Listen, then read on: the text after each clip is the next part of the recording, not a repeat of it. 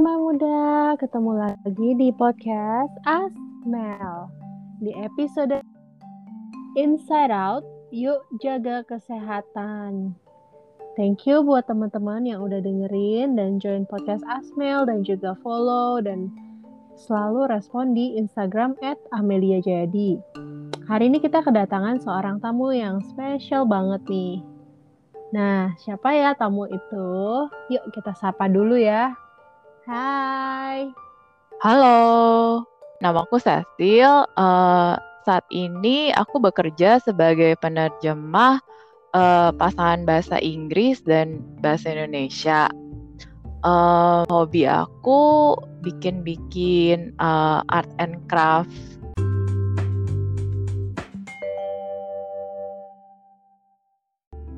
kita sudah setahun lebih ya Cecil di di kota kita ini mengalami uh, pandemi gitu kan dari COVID-19 juga yang ada di seluruh dunia ya. Jadi saat ini supaya bisa lebih sehat dan bugar. Nah, ini kan penting banget buat teman-teman harus lebih sehat, harus lebih fit nih di masa pandemi.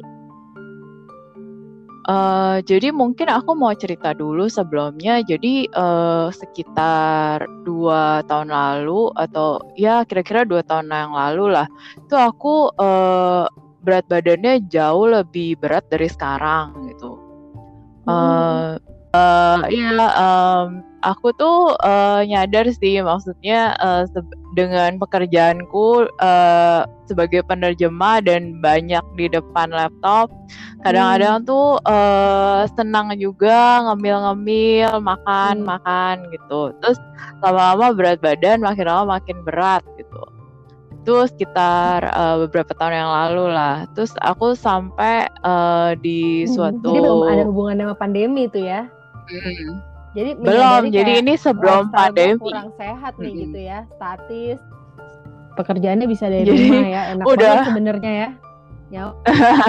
iya, uh, jadi aku pertama-pertama tuh mikir lah, maksudnya, aduh gimana ya supaya uh, pertama-pertama tuh concernnya mungkin berat badan dulu gitu.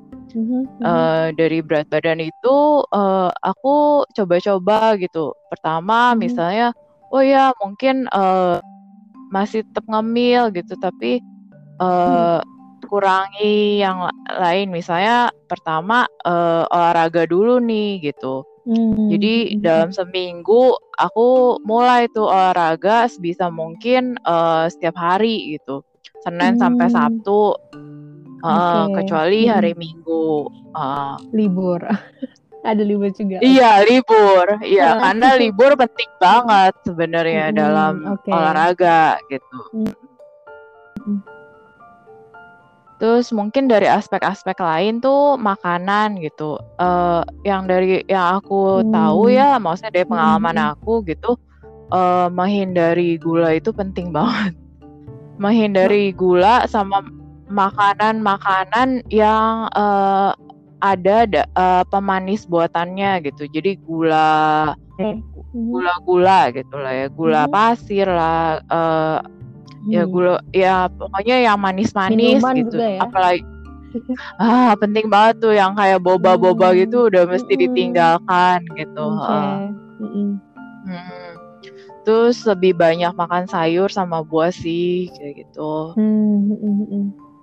uh, terus okay. uh, ya mungkin lebih banyak uh, makan makanan yang beragam gitu jadi nggak misalnya makan ikan salmon gitu salmon mulu gitu. Enggak oh. jadi mesti di biarpun sehat tapi nggak bagus ya terus iya karena tubuh jadi jenuh gitu. Jadi mesti mm. uh, supaya asupan gizinya beda-beda. Jadi kayak pelangi gitu lah ya. Warna-warni gitu ya makanannya ya. Iya nah, ceritanya itu, kayak itu gitu. nutrisinya bener-bener seimbang gitu ya dari hasil baca-baca juga, terus aku tahu kalau ternyata uh, tubuh kita tuh butuh beberapa nutrisi gitu. Hmm. Banyak sih sebenarnya, tapi yang paling penting itu karbohidrat, protein, sama lemak. Eh, hmm, lemak apa nih? Hindari nih. Nah, itu kan pada Hmm. pada kira tuh lemak, aduh jangan deh. Tapi ini maksudnya bukan lemak jenuh, tapi lemak Hmm. baik gitu justru. Nah, Kayak apa lemak ini baik? lemak baik ada ada. Jadi lemak baik ini eh, contohnya itu dari eh, ikan-ikan gitu, misalnya ikan Oke. salmon Hmm. gitu, heeh, Mm-mm. ikan apalagi ya saba juga bisa. Jadi ikan-ikan Mm-mm. laut, terus Mm-mm. misalnya juga eh, fish oil. Oke. Jadi minyak ikan gitu. Praktis Aku ya. biasa Mm. mm, Bener. minum ya Oke. suplemen Terus fish oil gitu, minyak minyak goreng ikan. gimana sih? Itu minyak jenuh ya? Eh, Hmm. minyak goreng Minyak enggak yang sih. sehat. Ada gitu, itu bau itu kayak aduh gitu enak gitu minyak mm-mm. ikan kan kayak apalagi pas banyak yang tuh bilang. yang cair aduh langsung sampai sekarang masih enak ya Heeh. Eh, itu yang paling yang bagus tuh minyak zaitun sih kalau aku biasa. Jadi hmm. aku minum 2 sendok makan minyak zaitun sebelum tidur. Itu bagus Hmm. banget sih kalau iya menurut iya aku ya. heeh. Jadi eh, kalau aku biasanya mikir eh, kayak eh, a- apa sih yang sustainable gitu. Mm-mm, Misalnya mm-mm. eh, 30 menit eh, eh, pertama tuh eh, aku biasa latihan beban dulu pakai dumbbell Hmm. gitu. Mm-mm. oke Biasanya sih kalau aku tiga kali seminggu gitu. Terus tiga sama eh, oke di, iya tiga kali ya seminggu. strength training oke Mm-mm. terus Iya. Terus dibarengin juga sama latihan kardio gitu tiga kali juga seminggu. hari yang Eh, sama atau gimana sih. tuh alternate atau gimana kan tadi enam hari Nah tuh ya kalau. Mm-mm. Jadi eh, biasanya sih alternate gitu. Jadi kayak misalnya latihan Hmm. beban, eh, Mm-mm. kardio, latihan Oke. beban, kardio, latihan Mm-mm, beban, kardio gitu. Jadi sebenarnya minim Eh, kad- 30 hari aja cukup ya. Eh 30 hari, 30 cukup ya sehari gitu ya. Mi.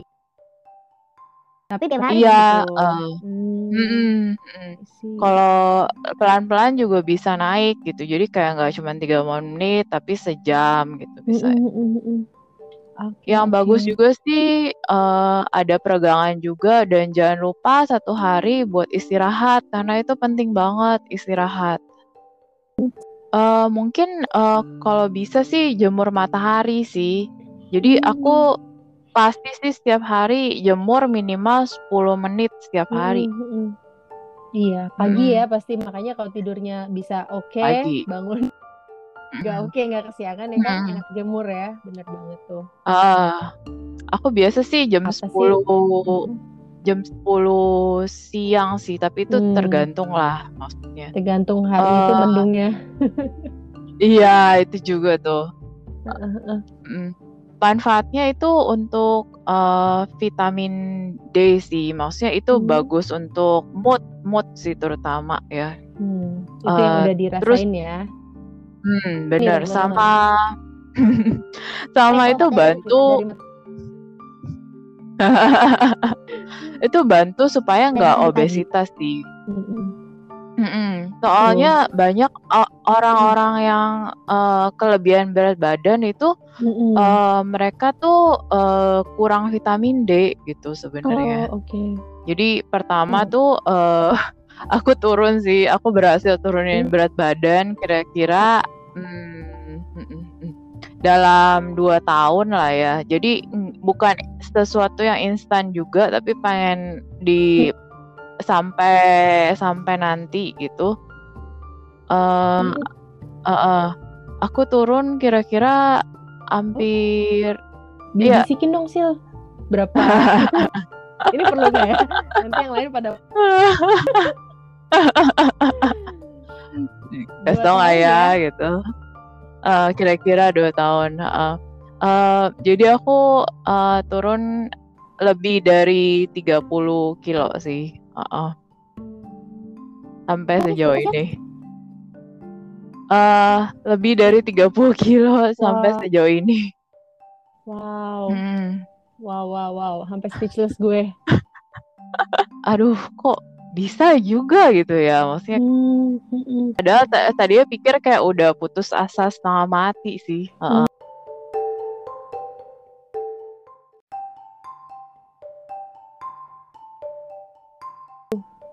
Putus asa gitu nah ini sebenarnya uh, awalnya mungkin agak berat Mm-mm. Cuman mm lama-lama bakal ketemu keseimbangannya dan kita juga mesti uh, rajin maintain sih, maksudnya menjaga juga. Ini juga nggak mm kalah pentingnya.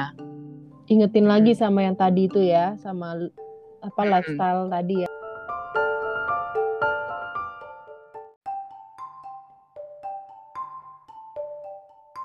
Uh, selain berat badan sih, uh, aku juga jadi lebih apa ya, lebih mencintai diri sendiri dan tubuh sendiri juga sih. Hmm, jadi uh, energi juga jauh lebih banyak buat hmm. melakukan segala sesuatu. Uh, terus badan juga lebih segar, tidur juga jauh lebih nyenyak sih sebenarnya. Uh -uh. Terus yang paling penting itu juga dari dulu kan nafsu makan selalu menggila tuh. Hmm, Tapi setelah makan semua ini nafsu makannya jadi berkurang.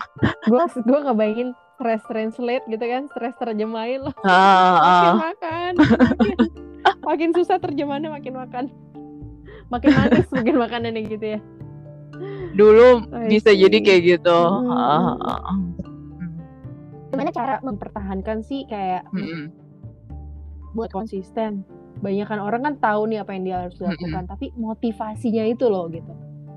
Biar bisa konsisten. Awalnya doang nih semangat uh-uh. gitu kan.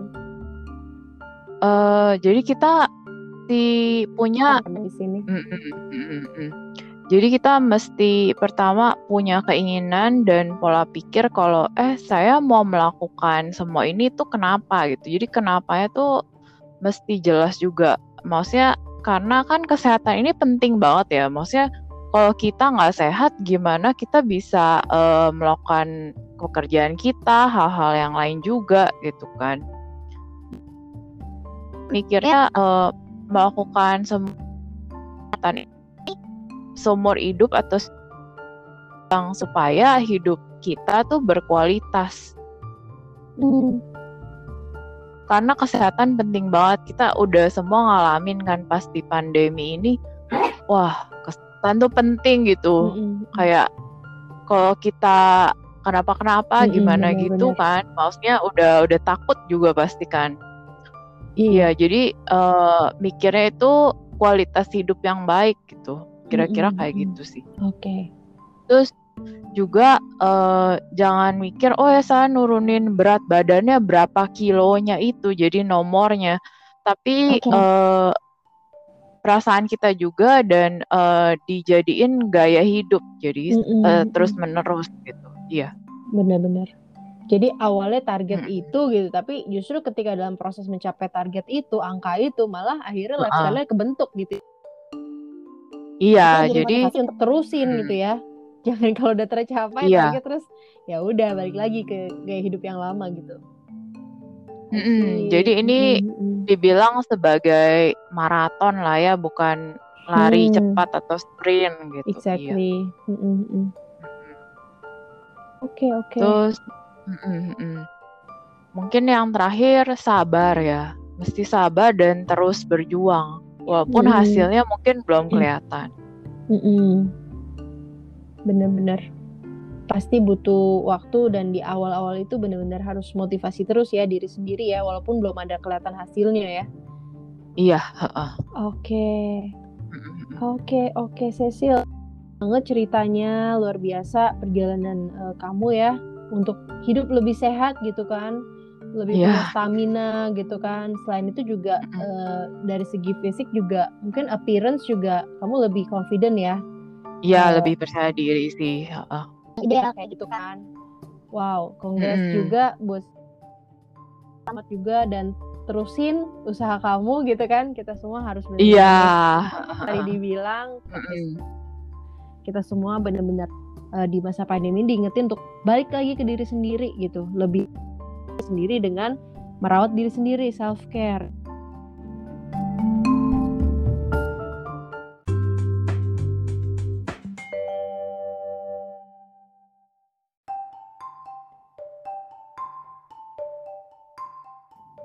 Terlepas dari apa pun kondisi yang saat ini kita hadapin, segala tantangan di hari-hari masa pandemi ini, kita masih punya kekuatan yaitu kekuatan untuk memilih pilihan yang sehat, pilihan yang cerdas yang akan membantu kita untuk dengan hidup semakin berkualitas untuk menjaga kesehatan kita dari dalam yaitu menjaga pikiran kita, menjaga perasaan kita dan juga dari luar dengan cara rajin berolahraga, menjaga pola makan dan pola istirahat yang cukup.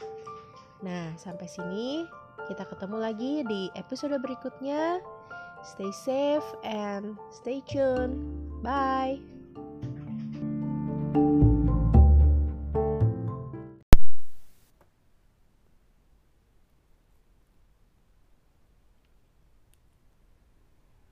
Teman muda, ketemu lagi di podcast Asmel.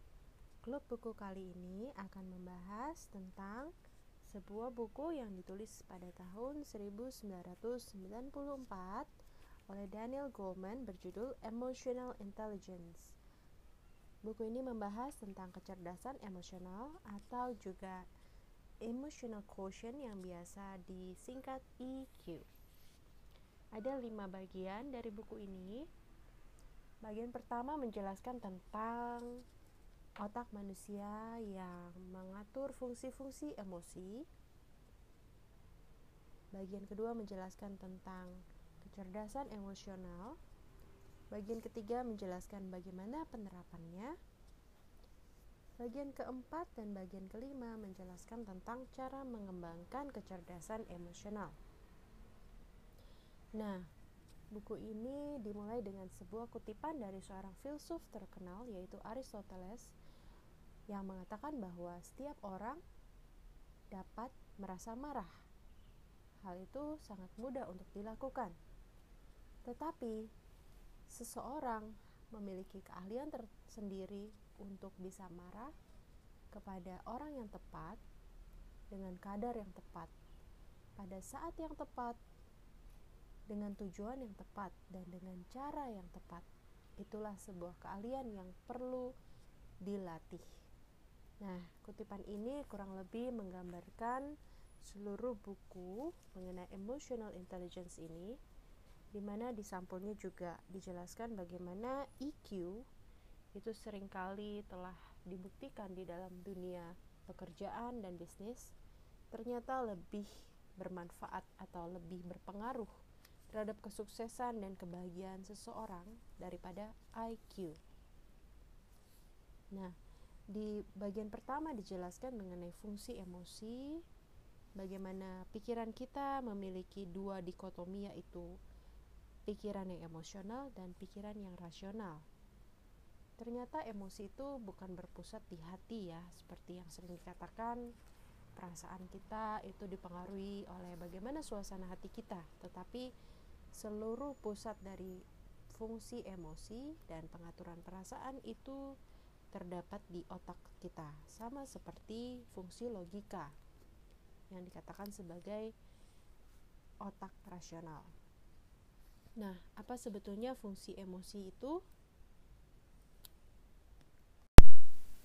Seseorang yang memiliki kecerdasan emosional berarti orang itu mampu untuk memotivasi dirinya sendiri dan juga untuk tetap bertahan ketika merasa frustasi Orang tersebut juga mampu untuk melakukan pengendalian diri dan menunda kesenangan ketika dibutuhkan, meregulasi mood atau perasaan yang sesaat, serta mencegah uh, bagaimana sering kali rasa stres atau overthinking itu biasanya mampu untuk menghalangi kemampuan berpikir rasional. Seseorang yang memiliki kecerdasan emosional mampu untuk tetap berpikir menyeimbangkan antara antara rasional dengan emosi. Dan seseorang yang memiliki kecerdasan emosional juga mampu berempati dan memiliki harapan hidup yang tinggi.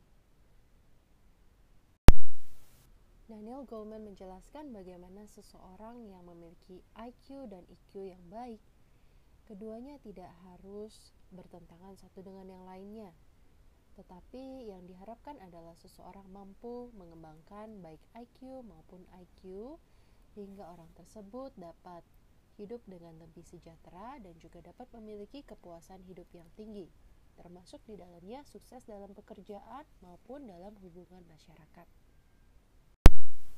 Dalam buku ini dijelaskan juga mengenai beberapa emosi utama, seperti misalnya tadi kemarahan, kemudian emosi kekhawatiran, kemudian kesedihan, dan juga dijelaskan mengenai beberapa disorder atau gangguan emosional seperti misalnya kecemasan dan juga depresi.